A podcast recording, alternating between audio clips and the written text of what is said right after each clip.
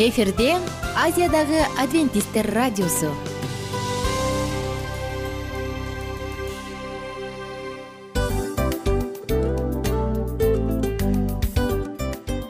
Достор салют.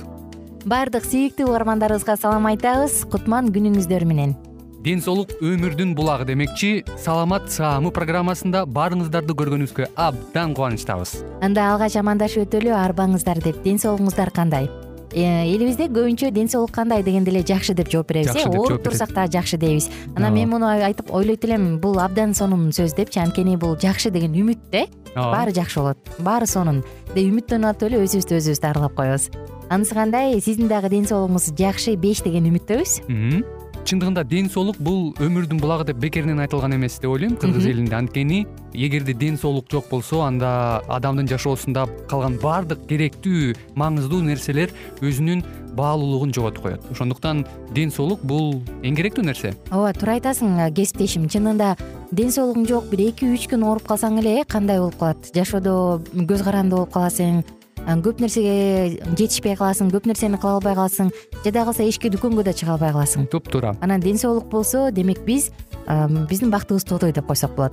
Анда достор саламат саамы рубрикабызды баштайлы. Алдыда өзүңүзгө керектүү болгон сонун кеңештерди уга аласыздар. Мына ошондуктан биз менен бирге болуңуздар. Ал эми биз болсо милан жана айнура.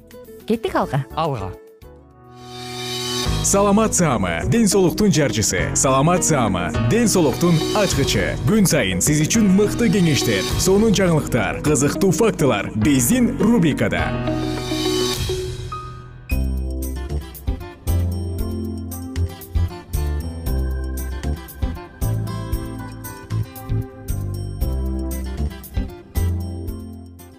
достор баардык угармандарыбызга ысык салам айтабыз. Сиздер менен бирге саламатсыамы радио баракчасындабыз. Кайрадан жана биз өзүн сүйгөн ден соолугун барктаган баалаган адамдардын угармандарыбыздын баардыгын дал ушул рубрикабызга чакырабыз. Анткени сиздер менен бүгүн алдыдагы дарыгерлер менен болгон маекте керектүү гана эмес маанилүү жакындарыбызга өзүбүзгө жардам берчү балдарыбызды саламаттыкта чоңойто алчу сонун маалыматтар менен бирге маалымдар болобуз мына ошондуктан угармандар баарыңыздарды биз менен бирге болууга чакырмакчымын. Анткени бүгүн чындыгында алдыдагы дарыгерлер менен болгон маекте өзүңүзгө керектүү сонун маалыматтарды ала аласыздар.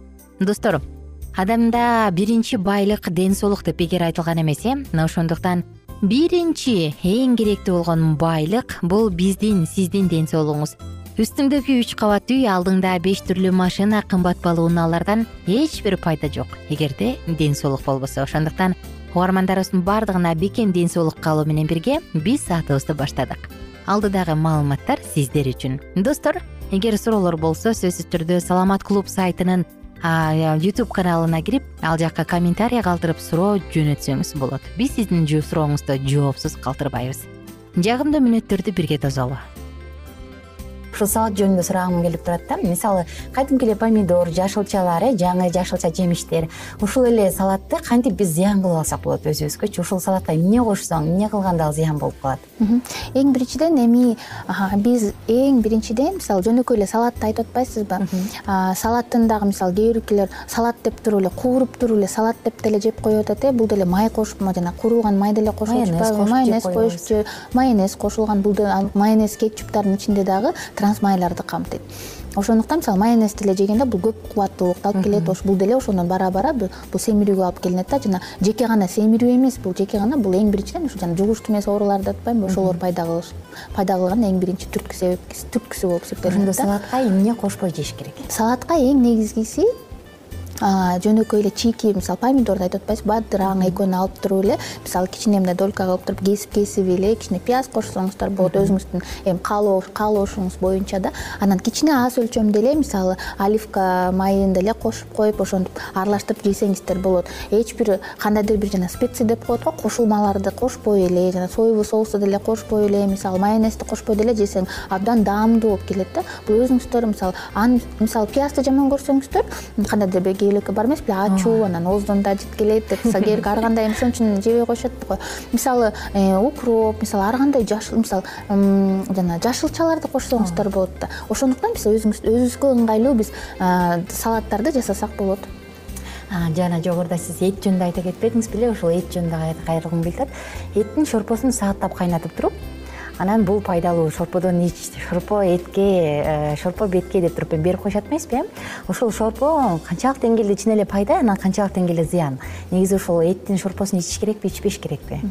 Эң биринчиден бул менин көңүлүмдү бура кетерим бул эттин түрүнө да эт мисалы эт десе эле баарыбыз эле койдун этин эсептейт эме ойлойт эмеспизби. Майлуу булчуңдуу булчуңдуу дагы майлуу дагы болсо эттүү болсо дагы мисалы кандайдыр эт эметебиз да ойго келет да эң биринчиден.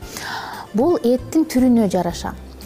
Мисалы жылкынын шорпосун ичпейт деп коет ичим өтөт депчи ошондуктан мисалы жылкынын өзүнүн кайнатылган жылкынын эти абдан чын эле диетический болгондуктан бул көп адамдарга мисалы кеңеш берилет э жагат наоборотчу тескерисинче. Мисалы уйдун эти деле абдан диетический болуп эсептелинет аны деле ичсек болот. Бирок койдун этин э, койдун этин анан жанагы шорпосу шорпосунда дагы үстүнө калкып турган майлары дагы бул эми адамдын адам абдан кеч сиңирет да анан кыйналат сиңиргендечи бир беш он алты жети саатка чейин сиңиргенге талап кылат да эме убакыттычы ошондуктан биз мисалы кечинде мисалы ондо болобу көбүнчөсү барго ондо мисалы даже ошондо эле ондо тамак жеп отуруп кудайга барганда ооба түнү бою жетмеспи.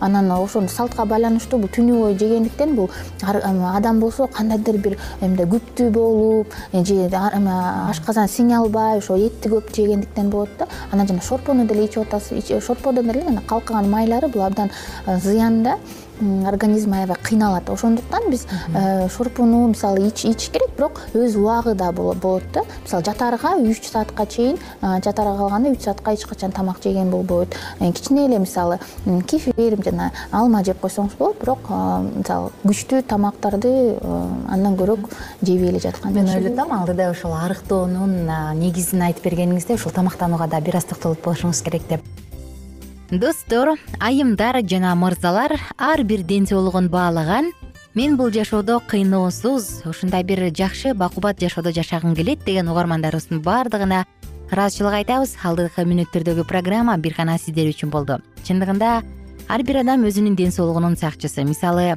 бөйрөк бизге берилгенде э, жаратылгандан эле ал бир нече жүздөгөн жылдарга кызмат кылышы керек. Бирок тилекке каршы азыркы заманды карасаң отузга чыкпай эки бөйрөгү тең ооруп пленефрит жана башка көптөгөн ооруларда керек болсо гемодиализде отургандар дагы көп. Ушул сыяктуу мисалдарды айтып отурсак абдан толтура мен эмнени айткым келет. Эгер ден соолукту өзүңүз карабасаңыз анда аны сизге эч ким кайтарып бербейт. Ооба жумуш оокат баардыгы керек бирок ден соолукту анын ордуна бербеңиз. Карап отурсаң улгайып калганда элүү алтымышка чыкканда ден соолугунан кыйналып отурган адамдарда жашоонун кубанычы да жок калат. Алар небересинин жытынан ырахат ала албай калышат. Анткени ден соолугу жок.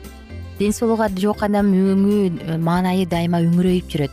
Анткени аларда эң маанилүү нерсе керек жок. Ошондуктан колдон келишинче үй бүлөмдү багам дегенден мурун дагы өзүңүздүн ден соолугуңузга сакчы болуп өзүңүздүн абалыңызга көңүл бура жүрүңүз.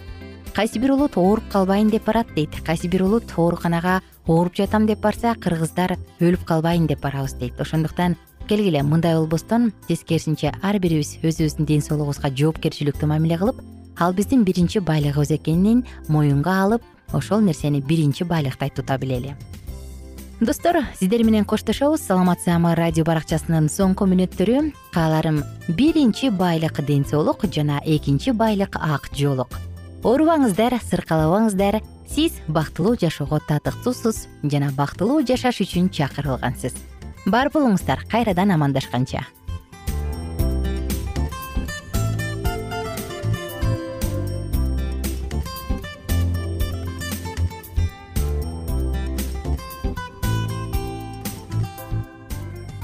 Кененирээк маалыматтар үчүн үч w чекит саламат чекит клуб сайтына келип таанышыңыздар жана андан тышкары социалдык тармактарда youtube facebook жана instagram баракчаларына катталыңыз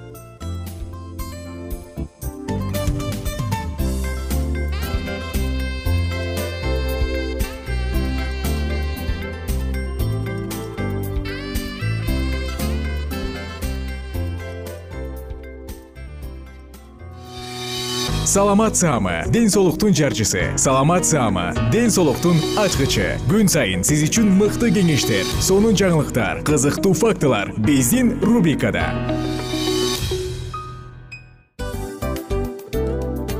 Салам достор. Кайрадан биздин сүйүктүү рубрикабызга кош келиңиздер деп айтмакчыбыз. Баардык замандаштарыбызга арбаңыздар деп саламыбызды айтабыз. Улуу ушундай бир э, урматтаган учурашуу менен анан дил маек радио баракчабызга чакырабыз. Негизи дил маек биздин рубрикабызда эмне жөнүндө кеп кылабыз? Бул дил маектин мааниси эмнеде? Рубрикабыз менен кичине тааныштырып кетсеңиз. Сөзсүз түрдө тааныштыра кетейин кесиптешим суранычы боюнча бул учурда бул радио баракчада биз ар тарап кесип ээлеринен сонун кеңештерди алабыз сүйлөшөбүз сырдашабыз аталарыбыздын эжелерибиздин апаларыбыздын кеңештерин угабыз. Айтор жан дүйнөгө адамдын э, сапатына адамдын деги эле адам болуп жашашына керектүү баардык кеңештер алдыда.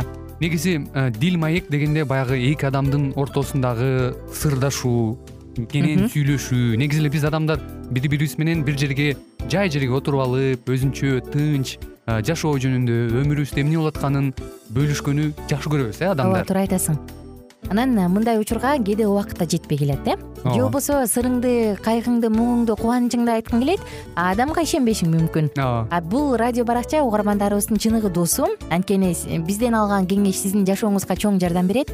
Ал эми сиздин бизге айта турган сөзүңүз ортодо гана сыр бойдон калат. Ошондуктан биздин дил маек рубрикабызга дагы бир жолу кош келиңиздер. Жана биз даярдаган маалыматтарга даяр болуңуздар. Айнура жана милан сиздер менен бирге алдыга кеттик ар түрдүү ардактуу кесип ээлеринен алтын сөздөр жүрөк ачышкан сыр чачышкан сонун маек дил маек рубрикасында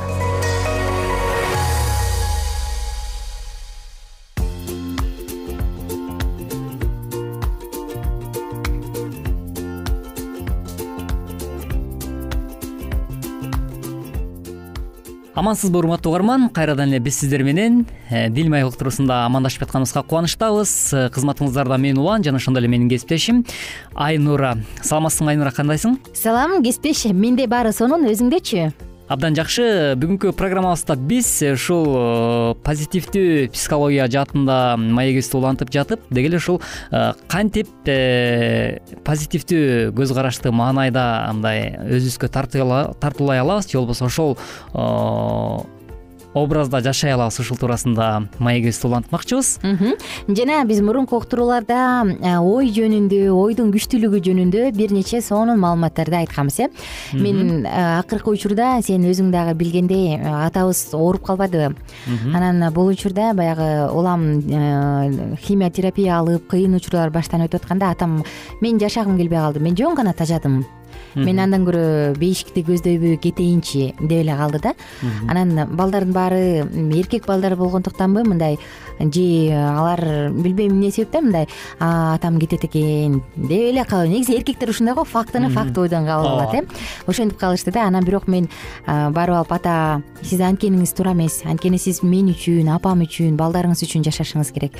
Сиз колдон келишинче күрөшүшүңүз керек. Ошондо сиз бул ооруну жеңе аласыз. А эгерде сиз э кой кой кой дей берсеңер анда мындай учурда соо адам да ооруп калат дегенде анан атам абдан мындай ыйлап бир сыйра жаман болуп анан кийин мен чын эле мен кеткенден кийин анан мен кетип калсам кызым кандай болот дедим дейт да анан ушул мага жашоого күч берди дейт. Анан ошондон кийин ишенесиңби анан кадимкидей тамакка табити ачылып эшикке чыкканга көңүлү пайда болуп ары бери чыгып ары бери элдер менен сүйлөшүп кадимкидей өмүргө жашаганга күч пайда болду дейт да. Анан азыр болсо кудайга шүгүр бир нече убакыт өтсө дагы шүгүр буюрса жакында анализ датын тапшырып жакшы болду анан ал атам айтат өзүчү. Менин жашоомдогу позитив дейт. Жок мен муну кыла алам кудай деген баардык нерсени айыктыра алат деген ишеним. Анан позитивдүү ой бул ооруну жеңгенге мага жардам берип жатат депчи. анысы кандай? ооба анысы кандай чын эле биз көбүнчө баягы жаман ойлоп алып жаман нерселерди ойлоп алып туруп анан кылат эмеспизби жашообузда мындай бир учур болгон. Абдан күлкүм келет. Мен ал убакта онунчу класста окуучумун. Анан бир э, биздин үйгө көп келип жүргөн эжеке туберкулез оорусу менен ооруп калды. Анан ачык түрү менен экен болгондо дагычы. А мен алардын үйүнө көп барчумун. Мен анда онунчу классмын анан бир күнү эле келгенде жөтөлүп дене табым көтөрүлүп калды да. Анан а мен туберкулез менен ооруп калыптырмын мага бөлмөмө кирбегиле эч кимге кирбей силерге жугуп калат деп ыйлап эле жатып калдым да. Анан чын эле ишенесиңби абалым абдан оорулушуп төшөктөн тура албай калдым. Эм да ала албай калдым. Анан атам кой кызым антпей жүр андай ооруканага алып барып бир текшертели деп алып барып текшерсе өпкөм таптаза экен анан а бул жөн гана самовнушение деп коет го. Ушундай болуп ооруп атыптыр кызыңар. Баары жакшынакай дейт анан таң каласың. Ошондой баягы дене табым да жок дем алганым да сонун жөтөлүм да жок болуп жөнөкөй гана бронхит кармаптыр да. Сонун болуп калдым. Анан анысы кандай чындыгында самовнушение ойдун туура эместиги адамды оорутуп да кое алат э? Ооба туп туура ушул сенин оюңа эле кошумча бир окуя окуя эмес бул кино көргөм да атайын бул советтер союзу учурунда баягы э, ошо кырк биринчи жылга аттандык ошол убакта баягы согуш учуруна туш келген учурда э, өзүң билет болушуң керек. Бул еврей элин э, өзгөчө баягы фашисттер деп коет эмеспи немистердин аябай мындай кыйноо менен өлтүргөнү жөнүндө атайын бир сценарий бар экен да ошол кинону карап отурсам еврей элин ушунчалык баягы атайын бир жерге мындайча айтканда окоп сыяктуу болгон буктурма деп коеюнчу буктурма кыргызча айтканда буктурманын ичине э, газ жиберип туруп анан ошол жака бүт болгон еврейлерди э, немистер киргизип баштайт да ошол жака өлтүрүпчү. Анан ошол учурда бүт деген э, мындай еврей эли негизинен башынан баягы биз ыйык жазуудан карап келгенде булар кудайга таянган кудайга ишенген эл болгон. Бирок ошол учурдан анан көптөгөн адамдардын үмүтү үзүлөт да. А көрсө биз ишенип жүргөн кудай бул жалган кудай турбайбы. Демек кудай жок турбайбы. Анткени качан адамдын башына олуттуу кыйынчылык түшкөндө ушундай ар бир эле адамдын оюна ошондой ой келиши мүмкүн да. Анан кудай көрсө сен жок турбайсыңбы эгер сен боло турган болсоң бизди э, булардан куткарып калмаксың да. А баары тең тиги бункерге кирип атат буктурманын ичине газга депчи. Ошентип атканда анан аксакалдар дагы баягы еврейлердин ичинен аксакалдардан үмүт үзүлөт да. Кудай сен жоксуң? деп кирип кете берет да. Баары кирип ошонун арасынан эң кичинекей э, жаш кыз болот. Э, бир он эки он үч жаштагы кыз болуш керек менимче. Ошол кыз анан бир э, тактайчага сыртка мындай күбөнү алып күбө менен жазат да. Бул күндөр да өтүп кетет. Бүгүн асманда булут түнөрүп турса дагы эртең э, булуттун артында күн бар депчи. Ошол сөздү жазып туруп анан тактайчаны илип коет да бир жергечи. Ошентип туруп ал дагы кирип кетет да. А муну менен эмнени айткысы келген? Ал кыз ооба бүгүнкү учурда булут түнөрүп мындай э, жакшы жашоо болбой атат кайгылуу күндөр болсо бирок мунун артында эртеңки күндө келечек бар. Э, мындайча айтканда кудай бар ал кудай эч убакта жок болбойт деген сөздү айткысы келген экен да анан. Ошол нерсени мындай көрүп ошол сценарий кинону көрүп алып мен мындай көзүмө жаш алып бир чети бир чети мындай э, ошол кыздын мындай үмүтүнө келечек болгон үмүтүнө карап аябай мындай баа бергем да муну дагы бүгүнкү күндө биз айтсак болот бул позитивдүү маанай депчи. ооба бул позитив. Негизи эле позитивдүү психология дегенде биз өзгөчө бир психологиянын тармагын айтып аткандай сезилишибиз мүмкүн бирок бул жашоо э? Ооба. Бул жөн гана биздин оюбуз. Менимче ойлонбогон адам жок. Баарыбыз ойлонобуз э? Ар кандай нерсени ойлонобуз ар кандай маселенин үстүндө ойлонобуз ар ким тууралуу ойлонобуз. Болгону гана жакшы ойлор боло турган болсо бул өзү эле позитив. Анан үмүт э, мен ойлойм да үмүт баарынан эң чоң позитив бул үмүт деп. Үмүтсүз шайтан деп коюшат го анысы кандай үмүт боло турган болсо ал жакта позитив болот э. Анткени үмүт эртең баары жакшы болот эртең бул күн да өтүп кетет. Эртең сөзсүз мынтет ал мени түшүнөт. Ал мени бир күнү кабыл алат. Бир күнү ал мени сүйүп калат. Бир күнү ал мени түшүнөт. Бир күнү эртең балам жакшынакай болуп чоңоет. Эртең адам эртең бул кыйын күндөр өтүп кетет. Балам акча таап иштейт. Жолдошум жакшы жумушка орношот деген сыяктуу нерсенин баары булардын баары үмүт да. Бул позитив. Демек позитивдин түр тамыры бул жаратканда эле жатат да. Мен айтат элем көбүнчө баягы ашыкча сарсанаа болуу ашыкча түйшүктөнүүнүн баары биздин өзүбүзгө тиешелүү нерсе. А эгер аны жок деп туруп көбүрөөк үмүткө таяна турган болсок бул жаратканга таандык го деп. Кесиптеш убактыбыздын соңку мүнөттөрү болуп калды коштошолу. Жана кийинки темада кантип позитивдүү ойлонушко ойлонгонго үйрөнүш керек анда ошол жөнүндө сөз кылалы. Жалпыңыздар менен коштошкончо сак саламатта туруңуздар күнүңүздөр көңүлдүү улансын. Амандыкта болуңуз урматтуу угарман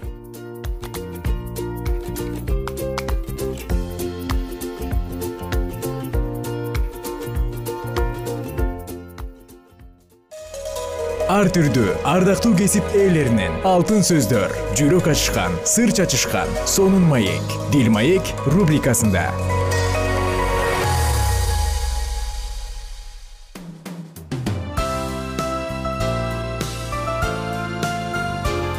Эфирде азиядагы адвентисттер радиосу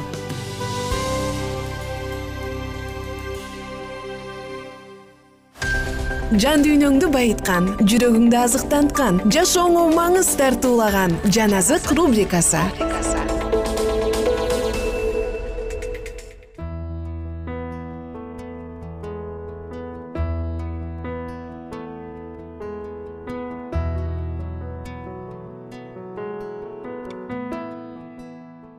салют достор. Баардык угармандарыбыз менен амандашып биз жагымдуу саатыбызды баштадык. Жан азык радио баракчасы жана жан азык радио баракчасында сиздер менен бирге жан дүйнөнү азыктандырып мыкты маалыматтарды тыңдоого даярбыз. Бүгүнкү күн мыкты күндөрдөн болсун. Бүгүнкү күн жеңиштүү жемиштүү күндөрдөн болсун. Достор бул рубрикада бир аз эске салсам сиздер менен бирге биз аян китебиндеги руханий күчтүн булагы деген темада сөз кылып жатканбыз.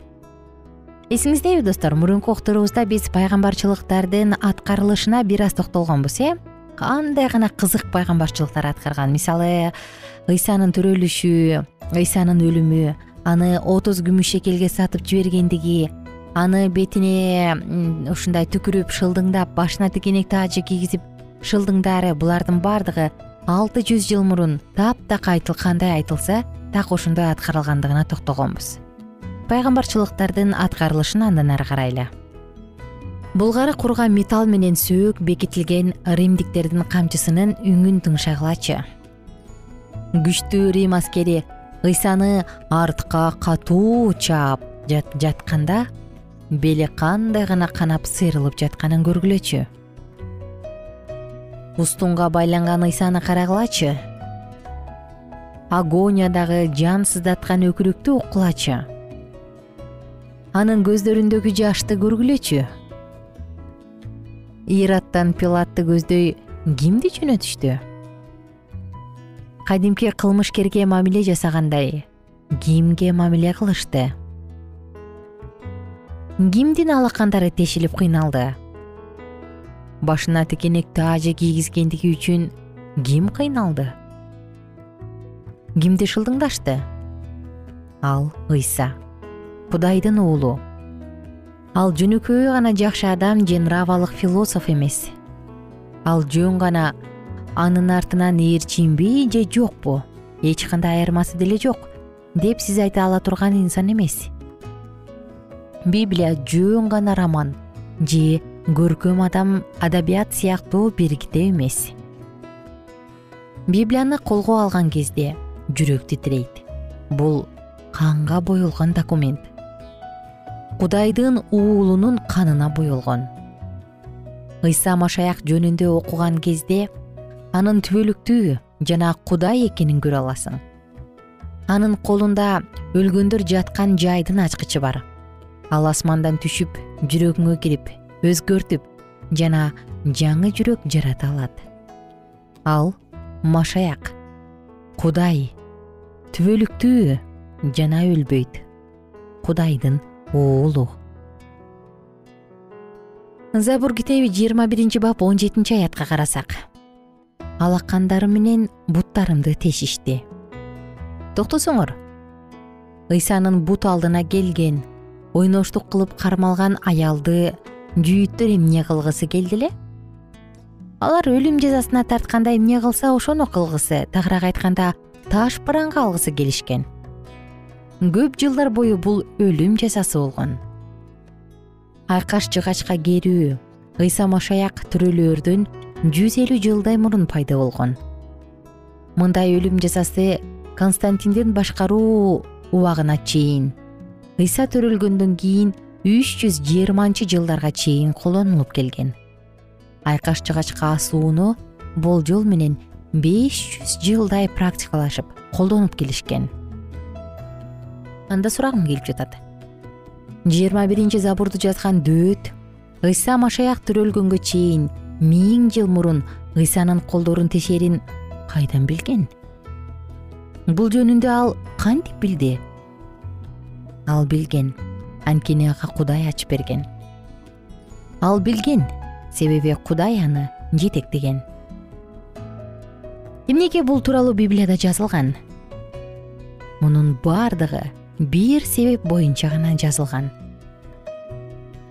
Голгофадагы айкашкан жыгачта жанын берген ыйса жөн гана жакшы адам же философ эле болгон эместигине ишенишибиз үчүн жазылган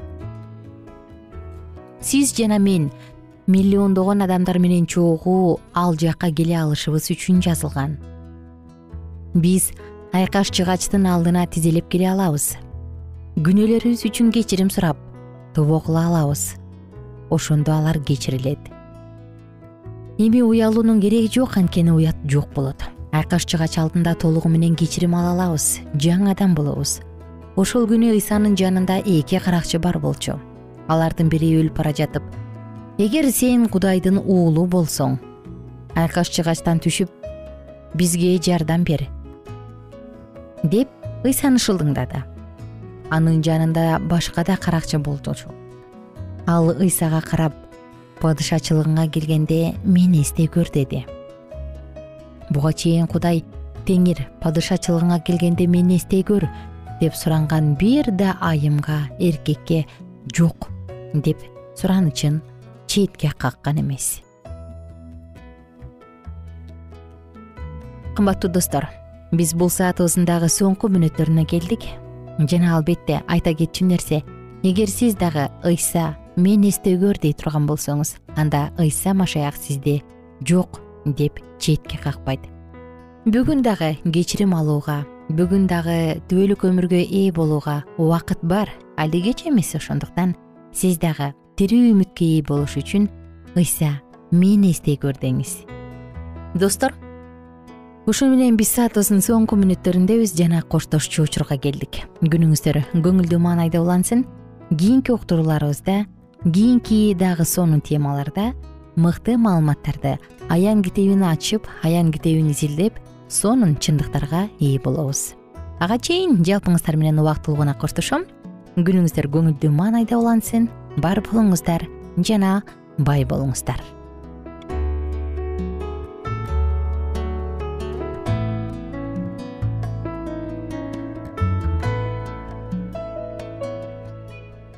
Эгер сиздерде суроолор болсо же көбүрөөк маалымат билем десеңиз анда биздин whatsapp номерибизге жазыңыз. Плюс бир үч жүз бир жети жүз алтымыш алтымыш жетимиш. Кайрадан плюс бир үч жүз бир жети жүз алтымыш алтымыш жетимиш.